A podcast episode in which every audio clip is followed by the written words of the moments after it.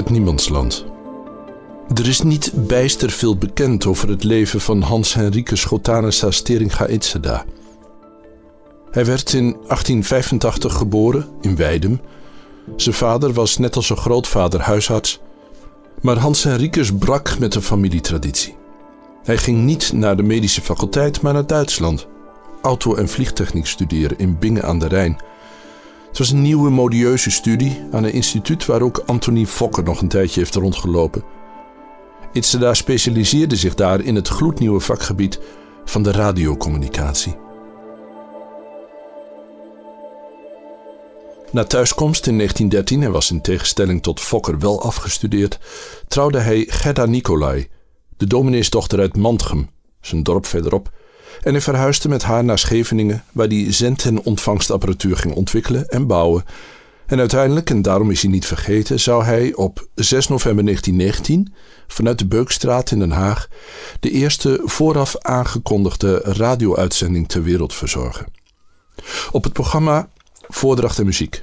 De vooraankondiging verscheen in de krant met informatie over het programma, uitzendtijd en golflengte.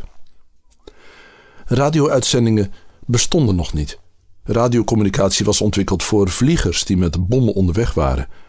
na de Eerste Wereldoorlog viel het voor de opgeluchte burgers, die alle oorlog achter zich wilden laten, niet mee om zich iets zo vreedzaams voor te stellen als radiocommunicatie ter verstrooiing.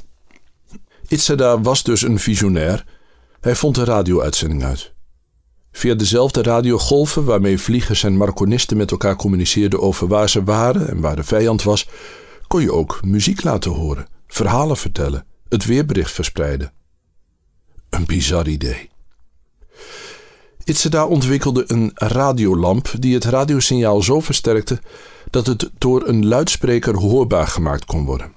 Hij ontwierp, bouwde en verkocht radioontvangers en versterkers, begon na zijn eerste uitzending een vast radiostation met vaste frequenties en vaste uitzendtijden. Hij kreeg een schare eigen luisteraars in binnen- en buitenland, maar ook navolgers en concurrenten. Hij bleef vernieuwen, liet zich kennen als een bevlogen, onzakelijke, opvliegende en verongelijkte pionier, ondervond in het starre vaderland meer tegenwerking dan hij aankon, raakte verbitterd, gooide het beltje er uiteindelijk bij neer, verkocht de hele boel en werd pensionhouder in Den Haag.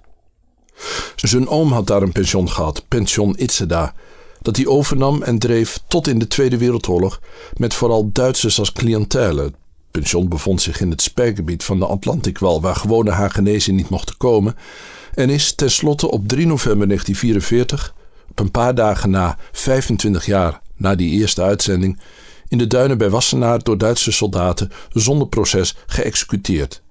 Omdat hij op verboden terrein gesnapt werd met onderdelen van een neergestorte V2 onder zijn jas. Hij was toen 59 jaar. Een V2 was, u weet dat vast wel, een soort raket met een bom erin, die in het Haagse bos werd afgevuurd met bestemming Londen. Het was een gevaarlijk maar indrukwekkend apparaat, die V2. Itzada had zijn oude liefde voor techniek kennelijk niet afgeschud, al was hij pensionhouder geworden. In 2019 was het een eeuw geleden dat de radio geboren werd, een eeuw na die eerste uitzending vanuit de Beukstraat. En de VPRO vroeg me, met zekere klem, of ik daar een serie programma's over wilde maken. Iets over het leven van deze man die, omdat hij geëxecuteerd was, ongetwijfeld in het verzet gezeten had. De VPRO dacht aan vier keer 30 minuten in het hoorspel half uur. Mocht ook best wat langer zijn. De uitzenddata stonden al vast. Ik hoefde het alleen nog maar te maken. Ik had drie maanden. Twee volle uren radio over het leven van een man waar we maar weinig van weten. Die als hij echt in het verzet gezeten had, dat wel erg goed verborgen heeft gehouden. Die ooit gefotografeerd is met een gekanteld hakenkruisje als daspeld. Al was dat een jaar voordat de NSDAP werd opgericht en dus ook voordat het een besmet symbool werd. Toen zijn lijk na de oorlog gevonden werd, droeg hij een uiltje op zijn das. Ik zocht mijn collega Mannix Koolhaas op, die het weinige dat over Itzada te vinden was al eens had uitgespit. De hoeveelheid biografische details viel voor twee uur radio althans bar tegen. Dus begon ik de omgeving te verkennen waarin Itzada had verkeerd. Het dorp Weidem in 1885. De topografische kaarten van het eind van de 19e eeuw. De komst van de telefoon in Friesland. Vooral de zuivelcoöperaties kregen aansluiting. De reputatie van dominee Nicolai uit het naburige Mantrum. Berichten uit de krant uit die tijd. Het Rheinisches Technicum in Bingen. Populaire muziek uit het begin van de eeuw. De eerste 78 toerenplaten. De veerdienst tussen Staver en Enkhuizen, die hij genomen moet hebben toen hij met zijn bruid naar Holland trok. De draadloze verbinding die er bleek te bestaan tussen die twee oevers. Ik begon kortom te werken aan de achtergrondgeluiden van Itzada's leven. Het decor waarin hij heeft rondgewandeld. Dat levert altijd wel iets op. Maar gevoegd bij het zeer korte en enige overgeleverde radio-interview met Itzada uit 1939 en de paar snippers op papier van Itzada zelf en zijn nabestaanden, bleef het mager. De begeleiding was er, maar het solo-instrument ontbrak. Nu had ik nog maar twee maanden. Vlot het een beetje? vroeg de eindredacteur. Het gaat geweldig, zei ik. Om de paniek de pas af te snijden, nam ik een stap over de drempel van de non-fictie naar de fictie. Ik maakte een script opgebouwd uit beredeneerde waarschijnlijkheden. Verdeelde dat onderin 1. Jeugd, weide met familie. 2. Bingen, huwelijk en Eerste Wereldoorlog. 3. Radiopionier en hakenkruisje. En 4. Neergang, pension en dood. Ik zette mijn collega Mannix Koolhaas in de studio en ik zei hem: Jij bent Itzeda. Het is 1944. Over een paar weken word je doodgeschoten, maar dat weet je nog niet. En ik ga je nu interviewen over je leven. Je gaat alles vertellen. En ik begon op te nemen. Collega Koolhaas, enigszins gestuurd door het script dat ik geschreven had, maar al ras aanvullend met alles wat hij zelf wist of vermoedde, kreeg er steeds meer lol in. En voor ik het wist, had ik een geanimeerd gesprek met Itzada zelf op band. Een overvloed aan materiaal. Alsof het een echt interview betrof, begon ik erin te monteren. Verlaagde timbre van Koolhaas, nogal herkenbare wat hoger stemgeluid met een paar hele noten. Verlangzaamde de stem ook een beetje om het wat ouderdom te verlenen. Voegde er gekraak aan toe. Liet de naald nu en dan overspringen en voilà, ik had opeens een 78 toeren opname van Itzada zelf. Genoeg voor twee volle uren radio. Te veel zelfs, te veel. Ja, maar dit, dit kan toch niet in deze tijd waarin we zoveel moderne techniek tot onze beschikking hebben. Dat het drie dagen duurt voordat zo'n bericht ergens opgepikt wordt. Dat, dat er geen afspraken zijn over wie wie mag ontvangen, wie kan funderen. Maar voor mij een inspiratie. Hij heeft dat allemaal. Allemaal. Allemaal.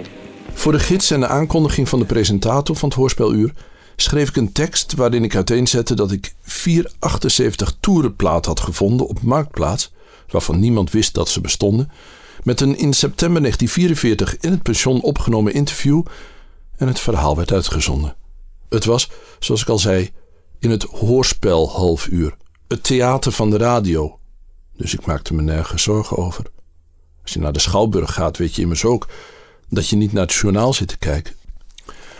De Leeuwarden Krant was de eerste die over de vondst van de 78 toerenopnames schreef alsof het allemaal echt gebeurd was. De journalist citeerde eruit alsof het een historische bron betrof. Wikipedia kwam er enthousiast achteraan. En collega's mailden me dat de vondst jaloersmakend was en dat Itse daar maar een rancuneus mannetje bleek, als je hem zo hoorde. Al klonk hij ergens ook wel modern, op een eigenaardige manier herkenbaar zelfs. Ik ging bij mijn eindredacteur langs en we probeerden te achterhalen of het erg was wat er gebeurde. We besloten dat het niet erg was, maar lekker voelde ik hem er toch niet over. Het is nu anderhalf jaar geleden en niemand heeft het meer over Ritseda, nog over de vondst van de 78 toerenplaten. Dus het was inderdaad niet erg dat men dacht dat ik werkelijk een oud interview gevonden had. Pas na een paar maanden kreeg ik een mail van een schrijver van Wikipedia die zich afvroeg of die platen nou echt waren of niet. Ik hielp hem uit de droom, legde uit wat ik gedaan had. Maar toen ik de laatste keer keek wat er op de site stond, trof ik nog steeds de volgende tekst aan. Ook ter gelegenheid van het eeuwfeest zond de VPRO in november 2019 een vierdelig gedramatiseerd podcastverhaal Pension Itzada uit dat was gebaseerd op de in september 1944 aan de Parkweg 3 opgenomen verhalen, ingesproken door Itzeda zelf, die op vier 78 toerenplaten waren opgenomen. In een van de ten gehore gebrachte originele fragmenten van de opname zegt Itzeda over de over zijn woning overvliegende V2's: Ik zou wel eens willen weten hoe ze dat voor elkaar gekregen hebben. Kennelijk vond de redacteur van Wikipedia de opnames van Itzada zelf overtuigender dan de vervalser die hem informeerde dat ze niet authentiek waren. Ik was per slot van rekening een vervalser en dus niet te vertrouwen. Het gaat veel te ver om te zeggen dat het de War of the Worlds is. U weet wel dat hoorspel van Orson Welles uit 1938, waar luisteraars in paniek op reageerden omdat ze de fictie niet doorzagen en dachten dat de aarde echt door Marsbewoners werd aangevallen. Maar het is wel aardig om na te gaan wat erover gezegd wordt, hoe het kwam dat mensen erin geloofden. Wikipedia biedt opnieuw uitkomst. Ik citeer letterlijk: De reden dat er paniek ontstond was niet geheel te wijten aan naïviteit. Mensen waren gewend om nieuwsberichten voor waar aan te nemen. Ach, die tijd. Dat mensen gewend waren nieuwsberichten voor waar aan te nemen. Het is niet zo dat ze dom waren, zo lijkt de auteur hier te willen zeggen. Iedereen geloofde immers wat de nieuwslezer vertelde. Zo'n klein zinnetje. Mensen waren gewend om nieuwsberichten voor waar aan te nemen. Daarin schuilt mijn ongemak. Vooral vanwege de kennelijke veronderstelling van de schrijver dat iedereen die niet naïef is nu wel weet dat alle nieuws nepnieuws is. Dat waarmerken niets zeggen. Dat journalisten een verborgen agenda hebben. En dat je zelf kan besluiten wat te geloven en wat niet. En wat blijkt is dat mensen nooit niets geloven, maar altijd wel iets. Hoe onwaarschijnlijker, hoe beter. De verwarring over de echtheid van wat ik enkel als redelijk gedocumenteerde historische fictie had gepresenteerd, is aan me blijven knagen. Het was weliswaar na de voorbereidingstijd afgemeten best goed onderzocht, dat verhaal over Itzada. De historische details in het verhaal had ik heus wel nagekeken. Dat bij de Barentsweeën voor de geboorte van Itzada bijvoorbeeld in de verte het geluid klonk van een stoomtrein, dat klopte. Al heb ik dat nergens in een dagboeknotitie of memoires kunnen lezen, het was een nieuw geluid in het dorp. De spoorlijn naar Stavoren was dat jaar geopend. Zulke dingen had ik niet uit mijn mouw geschud. Ik had ze afgeleid. Ik liet niet zomaar een stoomfluit horen. Dat de gordijnen gesloten waren, maar het raam half open stond, ja, dat kon ik niet laten erbij te vermelden. Maar daarin zit gelijk het probleem. Het is de keuze voor fictie in een omgeving van non-fictie die de verwarring kan oproepen. Toen Jan van Aken, begenadigd schrijver van historische romans, me vertelde dat hij een fortuin had uitgegeven, of nou ja, fortuin, veel geld voor een schrijver, 100 gulden, aan een atlas van de klassieke wereld, zodat hij na kon gaan hoe lang zijn overigens verzonnen personage er in een verzonnen verhaal over deden om een bepaalde verzonnen reis in het Midden-Oosten van de vijfde eeuw te volbrengen, hebben we er nog wel een tijdje over zitten dubben waar het eigenlijk voor nodig was, die quasi-nauwkeurigheid van de atlas in een verder verbeelde omgeving. Zijn personages waren verzonnen, de reis was nooit gemaakt, de plot was uit de duim gezogen en dan toch zo uitputtend iets uitzoeken dat er eigenlijk niet toe doet, waarom zou je? Tijdens dat gesprek met Jan van Aken kwam een herinnering terug aan mijn vader, die me vertelde dat hij eind jaren 30 op de HBS in Zeist een 19e-eeuws boek had moeten lezen. Ik denk een boek van Jacob van Lennep. Hij had, vertelde hij me, in dat boek tot zijn diepe ergernis gelezen dat de hoofdpersoon bovenop de Amerongse of Wageningse berg over een zwerfsteen struikelde of erop ging zitten. Ik heb dat boek weggegooid, zei hij met een nauw verholen afkeer, al was het veertig jaar nadien. Want zo'n steen ligt er niet op de Amerongse berg. Overigens las hij mij en mijn broers wel de band van de ring voor. Het is dus niet de verbeelding zelf die hem dwars had. Het was de vermenging die hij niet verdragen kon. Van wat hij kende met wat de schrijver er maar zo'n beetje bij fabuleerde. De vermenging van fictie en non-fictie. Mijn vader was een exacte wetenschapper, een chemicus. Hij wist dus heel goed wat non-fictie was. En hij wist, toen hij mij die herinnering opdiste, ook wat de wetenschapper als hij of zij erop kan vertrouwen dat er in de tekst niets verzonnen is, te doen staat, namelijk aan alles twijfelen. Dat is wat wetenschap is, per slot van rekening, door een methode gereguleerde twijfel. De schrijver van non-fictie, waarvan een natuurwetenschappelijk artikel de puurste vorm is, heeft onderzoek gedaan, soms experimenten uitgevoerd, volgens de methode die de lezer kent. Hij of zij streeft naar waarheid, doet dat met controleerbare middelen. En het is aan collega's om vervolgens te kijken of het stand houdt. En hoe doe je dat? Door te proberen de bevindingen in twijfel te trekken. Door te proberen te bewijzen dat het niet waar is.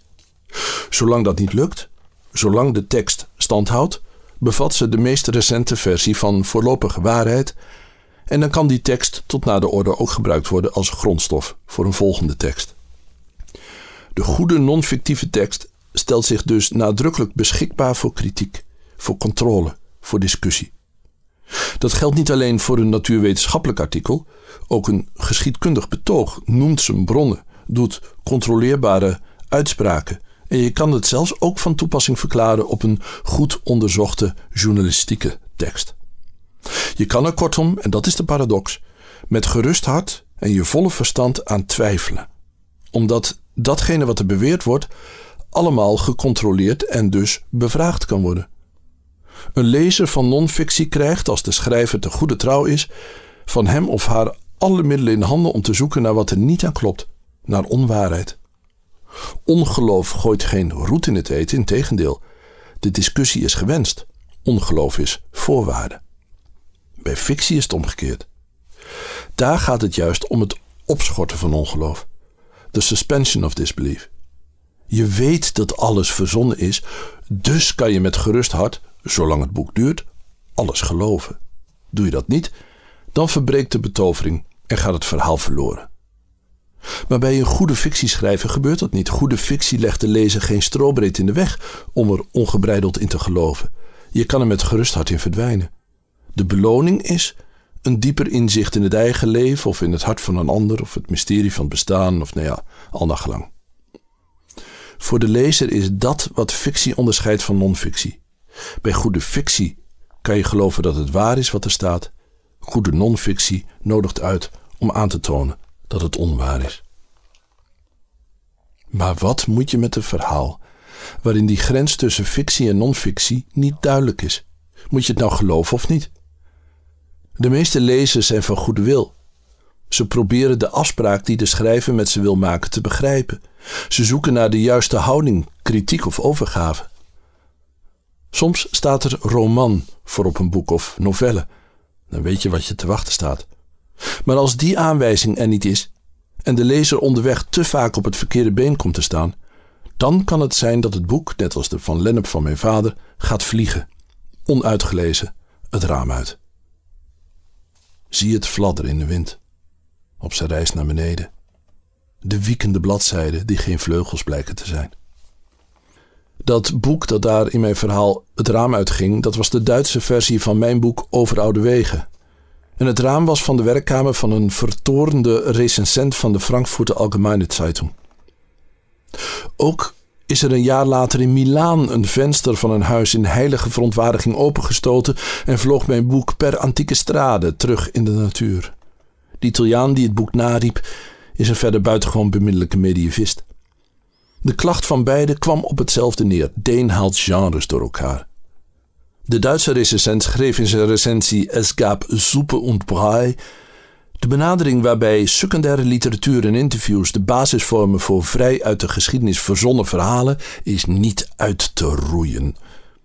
En na een bloemrijke litanie van beledigingen aan het adres van de auteur en uitgever besloot hij zijn uitvoerige stuk met een zin die hij denkelijk bedoelde als genadeklap.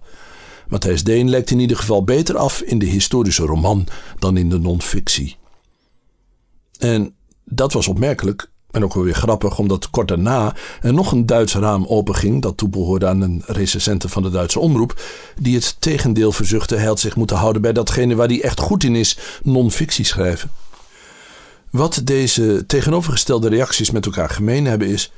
dat de recensent in beide gevallen de auteur verwijt dat hij zich begaf in het niemandsland tussen fictie en non-fictie. In dat onduidelijke gebied waarin je niet weet wat te doen, geloof of bevragen. Was dat niemandsland ooit een winderige kale vlakte waarin zich uitsluitend letterdieven, oplichters en samenzweringstheoretici ophielden?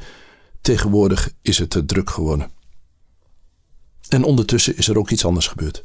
Waardoor, naar mijn gevoel, het oponthoud in het niemandsland een lading heeft gekregen die het voorheen niet had. Ik nodig u uit terug te kijken op een interview dat Kellyn Conway op 22 januari 2017 gaf aan Chuck Todd in het programma Meet the Press van NBC. Conway was press secretary van de net geïnstalleerde president Trump en ze munten in dat interview de term alternative facts. Conway stond op het gezond bij het Witte Huis. Trump was vijf dagen daarvoor ingezworen. En in de berichtgeving rond de inauguratie hadden verschillende nieuwszenders bericht over de omvang van het daarbij toegestroomde publiek. Met luchtfoto's werd aangetoond dat er voor de inauguratie van Obama veel meer mensen waren komen opdagen dan voor die van Trump. De dag voor het gesprek met Conway, dus 21 januari, ontkende Trumps woordvoerder Sean Spicer in een pressbriefing in het Witte Huis dat het waar was. Trump had wel degelijk de grootste gehad. Tot vroeg Kellyanne Conway, die Sean Spicer's baas was, waarom ze had toegestaan dat Spicer als persvoorlichter van het Witte Huis zich zo kwetsbaar had gemaakt door te liegen over de grootte van de menigte, of anders gezegd, waarom ze hem open en bloot fictie had laten verkondigen in een omgeving die pretendeert non-fictie te produceren. Hij betoogde dat als de officiële woordvoerder van de overheid zonder blikken of blozen overduidelijke onwaarheden verkondigt en dan ook nog tegen alle bewijzen in volhoudt dat ze waar zijn, er een belangrijke afspraak wordt geschonden. Ondermijn je dan niet het instituut waar de burgers blindelings op zouden moeten kunnen vertrouwen? Als je die afspraak schendt, waar kan de burger dan nog op varen? En waar de feiten ontkend worden, zo redeneerde Todd, verkruimelt de basis voor overeenstemming. In plaats van de vraag te beantwoorden, koos Conway een andere strategie. Ze ging in de aanval door de onderliggende motieven van Todd in twijfel te trekken. Hij had boter op zijn hoofd, meenden ze. NBC of CNN kozen er, als ze verslag deden over Trump, keer op keer voor om hem in een slecht daglicht te zetten. Toen Todd erop wees dat ze de vraag niet beantwoordden, dat de feiten over de dag van de inauguratie duidelijk waren en dat iedereen dat kon zien, zei Conway, en daar gaat het om, dat er naast feiten ook alternatieve feiten bestaan. En dat de nieuwsmedia er een handje van hebben zich tot de eigen feiten te beperken en de alternatieve feiten te negeren.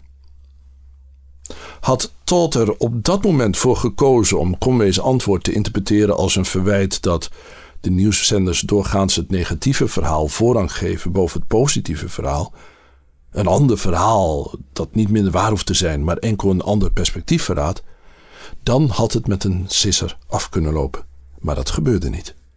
Todd probeerde het overduidelijke overeind te houden. Er bestaan geen alternatieve feiten, bestaan alleen feiten.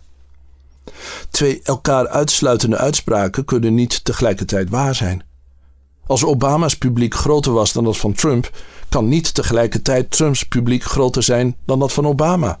Alternatieve feiten, kortom, bestaan niet. Maar die vliegen ging niet meer op. Conway's overtuiging was onverzettelijk, haar toorn heilig, haar verdediging een beschuldiging. Tots vergissing toen hij naar de feiten vroeg, zat hem erin dat wie feiten verkondigt, juist discussie uitlokt, terwijl de kortste route naar rotsvaste overeenstemming de route van de fictie is. Dat wil zeggen, overeenstemming bij een beoogd publiek. De mensen die hunkeren naar de opschorting van het ongeloof. Dat is dan ook precies waar Conway op uit was. Gesloten rijen bij de achterban. De term alternatieve feiten landde in een gespreid bedje. Een niet onaanzienlijk volksdeel van de VS was bereid om alternatieve, niet door feiten gestaafde verhalen voor zoete koek aan te nemen. De achterban dorste naar fictie.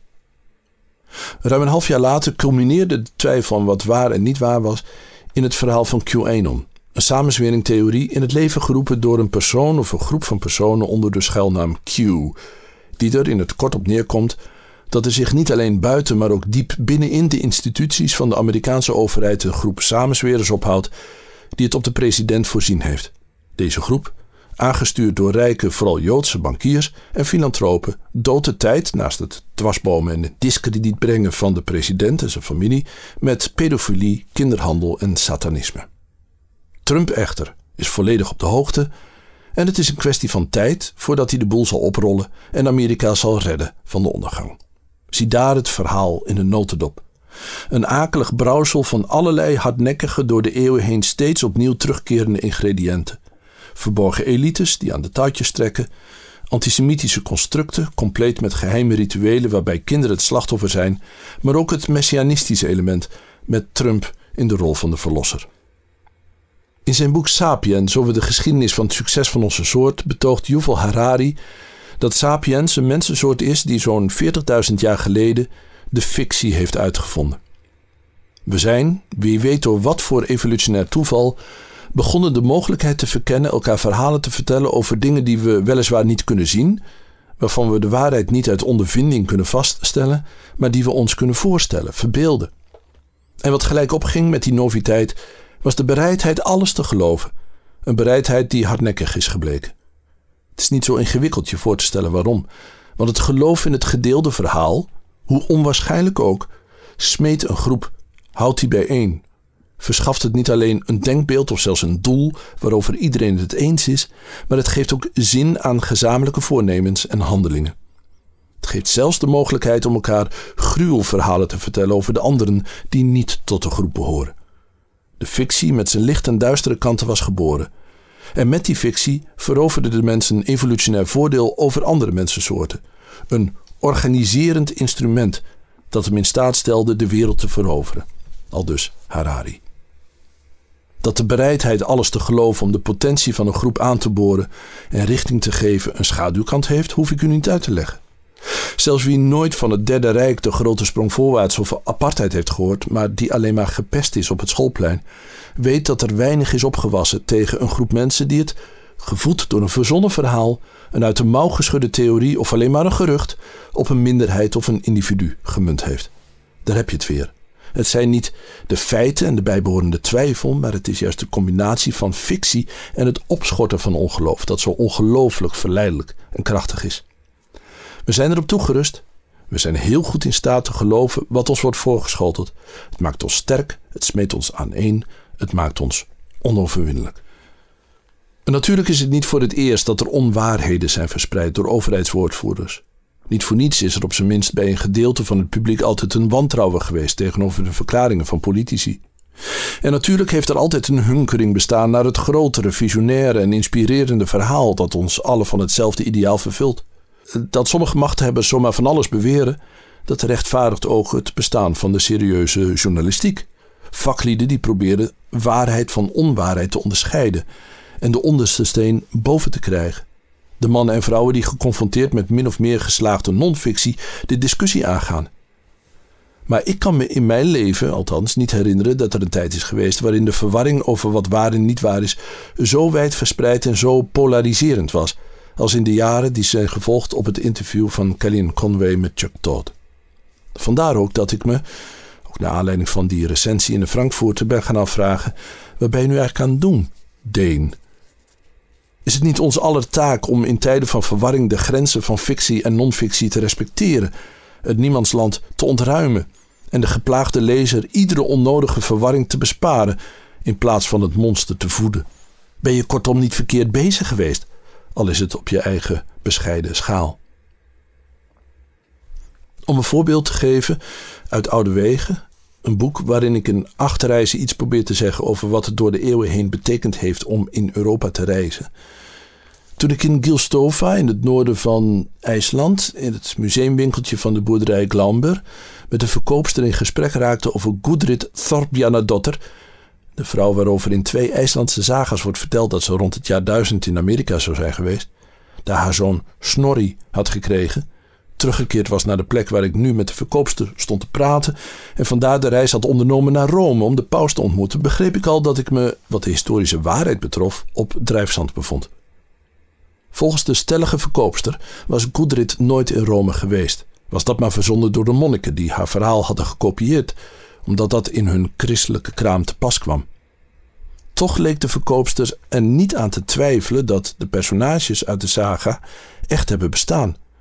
Over Thorfinn, de derde echtgenoot van Gudrid, wist ze bijvoorbeeld te melden waar hij geboren was. Daar woont hij, zei ze. Inderdaad, in de tegenwoordige tijd, daar woont hij. En ze knikte uit het raam naar een boerderij even verderop. De boerderij draagt dezelfde naam als de boerderij in de saga. Thorfinn was al duizend jaar dood maar voor haar woonde hij daar nog steeds. En zijn moeder ook. Moeilijk mens. En daar is de boerderij die Gudrid en Thorfinn hebben gebouwd. Ze wees door een ander raam naar grasland, waarin twee paarden liepen te grazen. Hou je aan de feiten als je over haar schrijft, sprak Smal bij voorbaat bestraffend toe. Want beter dan de saga's wordt het toch niet. Ik bedacht me dat ze niet alleen net had gezegd dat Thorfinn haar buurman was, een man die al duizend jaar dood is, maar dat ze vervolgens naar een boerderij wees die er ook al eeuwen niet meer is.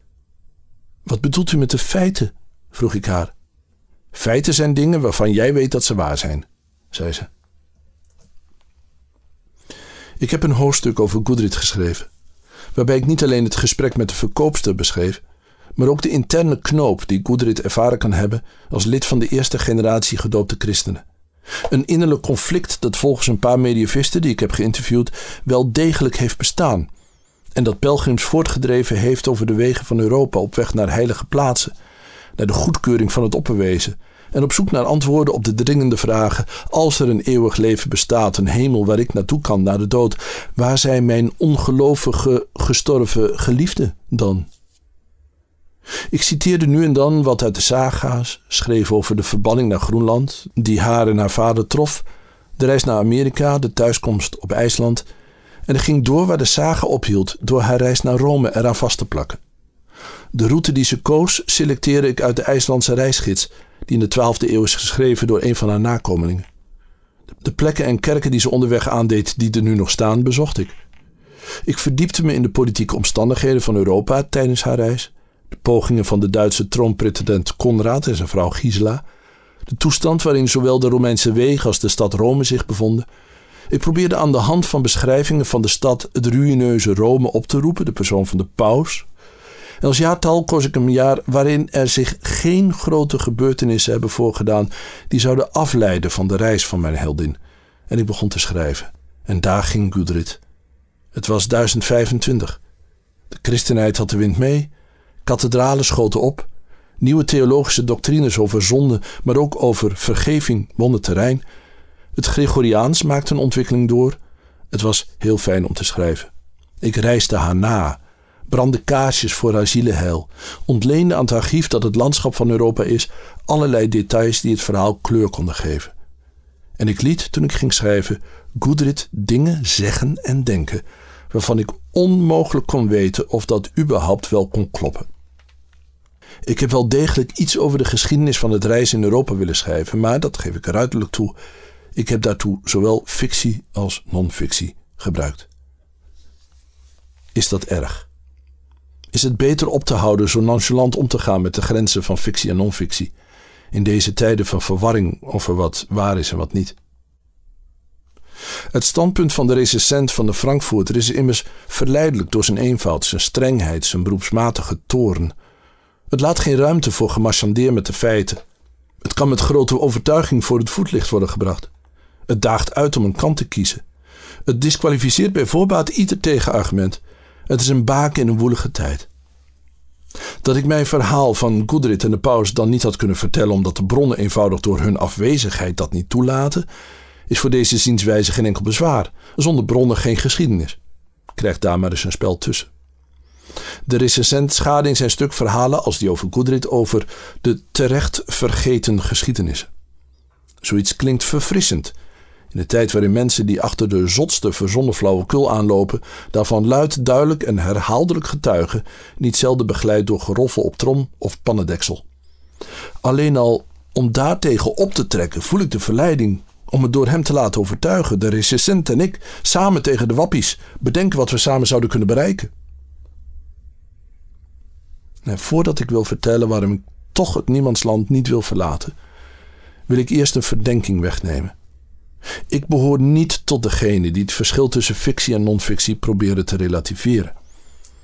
De journalisten en onderzoekers die proberen op integere manier de waarheid te benaderen door non-fictie te schrijven en die de teksten van genre bediscussiëren, doen belangrijk werk. Ik reken mezelf niet tot één van hen, maar ik heb grote bewondering voor journalisten en wetenschappers, voor wie het een levensbestemming is om aan de werkelijkheid de waarheid te ontfutselen en door onderzoek te doen de onderste steen boven te krijgen. Toen mijn collega, de veel te vroeg gestorven einddirecteur van Argos, Gerard Legebeke, bij het programma Kunststof een lijfspreuk op een tegeltje moest schrijven, schreef hij waarheid. Niets dan de waarheid. En wij zijn als maatschappij, journalisten als Legebeke veel verschuldigd. Meerdere onafhankelijke bronnen aanboren, onzekerheid uitsluiten, formuleren, schrappen, scherper formuleren, nog eens overdoen, nog eens nagaan, nog eens bellen, nog eens ergens achteraan. Die werkwijze kenmerkte hem. Het ideaal de waarheid te vinden dreef hem voort. De verdenking die ik wil wegnemen is dat ik bereid ben dat ideaal en die integriteit te relativeren. De journalist, zo goed als de wetenschapper, streeft ernaar, als hij zijn werk goed doet, om de dingen zo te beschrijven zoals ze zijn en er niets bij te veronderstellen. Juist vanuit het besef dat alles bevraagd dient te worden om dat te bereiken. Twijfel breekt de waarheid niet af. Door twijfel gevoede nieuwsgierigheid is juist de eerste stap op weg naar kennis. De reden dat ik, voordat ik mijn manier van schrijven verdedig, dit nog eens expliciet wil zeggen, kan ik misschien de duidelijkste uiteenzetten aan de hand van een citaat van de website boekschrijven.nl. Een citaat dat naar mijn idee duidelijk laat zien waar de relativering van het onderscheid tussen fictie en non-fictie toe kan leiden. In het artikel dat deze kwestie behandelt staat het volgende. Nu gaan we steeds meer zien dat ook een weergave van waar gebeurde dingen onherroepelijk de kijk bevat van de schrijver of verteller. Objectieve verslaggeving bestaat in feite niet. In zijn boek Het zijn net mensen laat Joris Luijendijk zien hoe moeilijk het is voor een journalist om te ontkomen aan de beperkte kijk die hij van zijn opdrachtgevers en door zijn afkomst heeft meegekregen. Objectieve verslaggeving is dus in wezen een fictie. Nou, dat, dat gaat me veel te ver. Dat de waarheid een voortvluchtig ideaal is, weten we. Dat elke waarheid voorlopig is, dus ook. Dat Joris Luijendijk, die van opleiding antropoloog en dus wetenschapper is, zich bewust is van zijn eigen perspectief, hoort bij zijn kritische geest en naar ik aanneem bij zijn streven om geen fictie te schrijven. Het heeft hem er in ieder geval niet van weerhouden om na het zijn het mensen door te gaan met het schrijven van non-fictie over politiek, over bankiers. Natuurlijk zijn er naast de door de website aangevoerde identiteit van de schrijver en de angst voor de chef minder modieuze redenen te geven waarom proza en werkelijkheid nooit zullen samenvallen. Taal is maar een gebrekkig middel om de werkelijkheid te beschrijven. De werkelijkheid zelf is oneindig complex. De mens is eenzaam en onmogelijk te doorgronden. Elke keuze voor een onderwerp houdt een beperking in. Maar non-fictie bestaat. Ze wordt gemaakt door een waardevol maar kwetsbaar verbond van schrijvers die de waarheid op de hielen zitten en lezers die dat bediscussiëren. Non-fictie relativeren zet de sluisdeuren wijd open voor de toevloed van samensweringstheorieën. Wie de beschaving, de vrijheid en de democratie lief heeft, moet op de barricade voor de non-fictie en zich verre houden van alle nihilisme.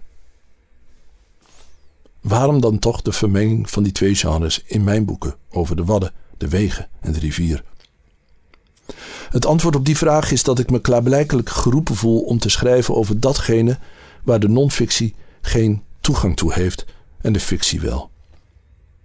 Ik heb het voorrecht gehad om Hilary Mantel te kunnen interviewen over de drie boeken die ze geschreven heeft over Thomas Cromwell: Wolf Hall, Bring Up the Bodies en The Mirror and the Light. Mantel heeft buitengewoon grondig onderzoek gedaan naar tijd, politiek leven en lotgevallen van Thomas Cromwell een zoon van een hoefsmid, die enige jaren als adviseur en huwelijksmakelaar van Henry VIII een van de machtigste mannen van Engeland was. Hij eindigde dan ook op het schafot. Ik koester niet de illusie ooit zo te kunnen schrijven als Hilary Mantel, maar alleen al het feit dat haar boeken bestaan waarin de fictie en de non-fictie zo sterk in elkaar grijpen, dient me wel tot troost, aanmoediging en inspiratie. In het interview stelde ik haar de vraag wat het is dat de romancier wel, maar de historicus nooit zal kunnen beschrijven. En dus wat het is dat we over de geschiedenis niet van de historicus, maar wel van de romancier kunnen opsteken. Dit was haar antwoord. What the novelist can do is dip a little beneath the surface of events work around those events which have left a mark on the record, which are, as we know, just the tip of the iceberg when you think of what really happened. So history is not what happened, it's just that little bit that remains to us on the record. I think what the novelist asks is what happened just before the recorded moment? What happened when the eyewitness turns away? In other words, what's next? And while we are all focusing on the incident that is described in historical accounts, what is happening in the next room? And of course, what are people thinking? Which vast field the historian really can't intrude on. Um, we know what happened. We often don't know why. The analysis of motive, it's not a field to which historians are a stranger. But the novelist can look, as it were, at the whole of a person's motivation. We don't just make decisions off the top of our head, we make them as a product of our whole life experience and life history. And we make them with the heart and the gut as well as the brain. And by living with a character for a long time, I think a novelist gets a sense of how a person might really work as an integrated organism, whereas to the the historian, they're always like an actor seen on the stage under a bright light. I think maybe the novelist works more in the shadows, in the in the penumbra of great events. Een vriend van mij, een historicus die veel over de 17e eeuw geschreven heeft, heb ik in het verleden meerdere keren horen verzuchten dat je de mensen die de eeuw bevolkten nu niet meer kan begrijpen. Ze redeneerden en handelden zo anders dan wij dat je je als historicus erbij neer moet leggen dat de tijd tussen hen en ons een onoverbrugbare kloof heeft geslagen. Nagaan wat ze deden, nagaan wat ze erover zeiden, nagaan hoe het past in de tijd, proberen de motieven te ontcijferen, prima, maar identificeren? Vergeet het maar. Hij kwam niet lichtvaardig tot die conclusie. Duizenden brieven had hij gelezen. Jaren heeft hij in de archieven verkeerd. Het aanvankelijke vermoeden dat hij die voorouders wel zou kunnen doorgronden zoals je dat bij een tijdgenoot kan doen, heeft hij laten varen. Ik heb al dat werk niet gedaan. En het past me niet zijn conclusie in twijfel te trekken. En die 17e eeuwers, die zijn alweer 100 jaar dichterbij dan de vroege 16e eeuwers, waar Thomas Cromwell toe behoorde. Dus je kan als historicus vraagtekens zetten bij wat Mantel hier zegt. Waar het niet dat zij ook nooit beweerd heeft dat zij non-fictie schrijft. Mantel schrijft fictie. Ze nodigt je dus uit je ongeloof op te schorten en geeft je daarvoor in ruil een uitstapje in het perspectief van een herkenbaar personage naar de grens van de non-fictie. Ze gunt je een blik in de tijd die voorbehouden is aan degenen die er voor de duur van het verhaal van overtuigd zijn dat ze er deelgenoot van zijn, dat ze er werkelijk zijn. Hoe doet ze dat? Door de lezers deze man uit de 16e eeuw te geven, met wie ze zich kunnen vereenzelvigen. Daartoe kan ze hem dus niet beschrijven als de onbegrijpelijke, maar juist als de benaderbare man, met wie je toegang krijgt tot het hof van de Tudors. Met wie je de mannen en vrouwen van en rond het hof kan horen praten, schreeuwen, lachen en sterven. Je bent bij zijn successen, bij zijn fouten. Je bent erbij als het net zich om hem sluit. Je gaat met hem naar het schavot. Het is fictie. Dus je bent er als lezer echt geweest. Je wist dat het waar was zolang het verhaal duurde en de details die Mantel je liet zien, de gebeurtenissen die zich in het volle daglicht of om de hoek voltrokken, waren de echte historische gebeurtenissen die in de archieven aan ons zijn overgeleverd. Dat we de Cromwell van 1540, de man van vlees en bloed wiens hoofd wordt afgehakt, met onze 21e eeuwse blik niet hadden kunnen begrijpen, mag dan aannemelijk zijn. De Cromwell van Mantel is een open boek. Een versie die we niet alleen kunnen begrijpen, maar die ons aan het hart gaat al verandert hij heel geleidelijk in een zwaarlijvig monster dat verstrikt raakt in zijn eigen ambitie. Een levensles die we onderweg cadeau krijgen. Wie de boeken van Hilary Mantel gelezen heeft, kan zich natuurlijk vervolgens vergrijpen aan de non-fictie die over het leven van Cromwell of over Henry VIII is geschreven. En die lezer zal veel herkennen en waarschijnlijk ook makkelijker begrijpen waar het in de historische literatuur over gaat. En ja, het zal hem niet meevallen de Cromwell van Mantel af te schudden. Maar als hij echt wil deelnemen aan de discussie die de non-fictie oproept, zal hij daar zijn best voor moeten doen. Dat is wat ik in alle bescheidenheid ook probeer te doen. Een personage met wie ik me kan vereenzelvigen terugsturen naar een moment in ruimte en tijd. Een moment dat ik, net als Jan van Aken met zijn atlas, zo goed en kwaad als dat gaat heb onderzocht. Het kan iemand zijn die alleen maar een voetafdruk in inmiddels versteende modder heeft achtergelaten. Of iemand die als bijfiguur in een kroniek of saga wordt genoemd. Of zelfs iemand die ooit een brief heeft geschreven die ik door een mooi toeval onder oog heb gekregen. Of die voorkomt in een verhaal dat me ooit is verteld. Het gaat erom dat hij of zij wordt gedreven door een vraag of een innerlijk conflict dat me bezighoudt. Dat is het fictieve element van wat ik schrijf. In het geval van Goodrit, een eerste generatie christen, in tegenstelling tot alle die haar voorgingen, gedoopt, die zich op de drempel van de dood een voorstelling maakt van de eenzaamheid van het hiernamaals en dan op reis gaat. De personages laat ik de loopgraven van de fictie uitklimmen en over het niemandsland naar de wereld van de non-fictie lopen, om daar in een jaar of een tijdvak rond te dwalen, waarvan ik de onderdelen uit historische bronnen, landschappen, artefacten, secundaire literatuur of interviews met wetenschappers heb verzameld. Zodoende ben ik via de blik, de gedachten en emoties van een door mijzelf in het leven geroepen personage getuige van een voorbije wereld. En hopelijk is mijn lezer dat ook.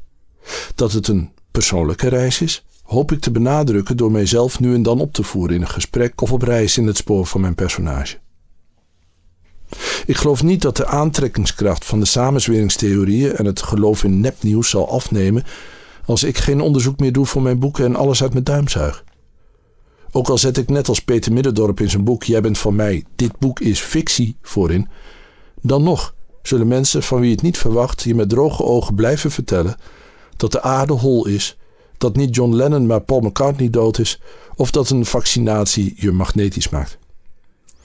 Ik denk dat het nuttiger is om, net als de samenzweringstheoretici, als dat zo uitkomt, hardop te getuigen van het feit dat non-fictie wel degelijk bestaat. Dat angst, gerucht en verongelijkheid geen goede raadgevers zijn. En dat de weg naar betrouwbare kennis van de wereld loopt langs de weg van onderzoek en discussie. Omroep en kranten moeten dan ook hun onderzoeksjournalisten koesteren. De woede van de Duitse recensent had ik misschien niet kunnen voorkomen, al had het gescheeld als er op de kaft van de Duitse uitgave niet had gestaan dat het een zagboeg betrof, een non-fictiewerk. De echte non-fictie is te kostbaar om mee te dollen. 77 jaar geleden werd Hans Henricus Itzeda in zijn pension aan de Parkweg opgeschrikt door het geluid van een V2, die vanuit het Haagse bos werd afgevuurd. Mijn moeder, die in de achterhoek dicht bij een lanceringsplaats van V2's de oorlog meemaakte, vertelde met tegenzin dat het het meest beangstigend was als de motor vlak na de lancering haperde. Dan werd het griezelig stil. En iedereen hield de adem in en hoopte dat de bom niet uit de hemel op het dak zou vallen. Zo ging het ook die novemberdag in 1944. Itzeda hoorde de lancering, de stilte en de ontploffing en schatte in dat de raket in de duinen was neergestort. Omdat hij als pensioenhouder een pasje had voor het spergebied, liep hij naar de duinen, maar hij werd teruggestuurd. De volgende dag verliet hij opnieuw het huis. Hij deed een baret op, schoot een regenjas aan en liep onder de herfstbomen door naar de duinen. Het had geregend. Die gang van Itzeda, door het uitgestoven spergebied, gedreven door zijn nieuwsgierigheid naar die V2 om wat voor reden ook. Dat is in geen enkele bron opgetekend. Maar hij liep daar wel. De zonderlinge, contactarme dorpsjongen uit Weidem. De uitvinder van de radio. De verongelijkte pionier in wie het vuur nog smeulde. Hij liep de plassen ontwijkend, vastbesloten naar zijn dood. En dat te kunnen beschrijven, dat uitstapje te kunnen maken, die eenzaamheid even te kunnen opheffen door met hem op te lopen, dat te mogen doen. Daar gaat het om.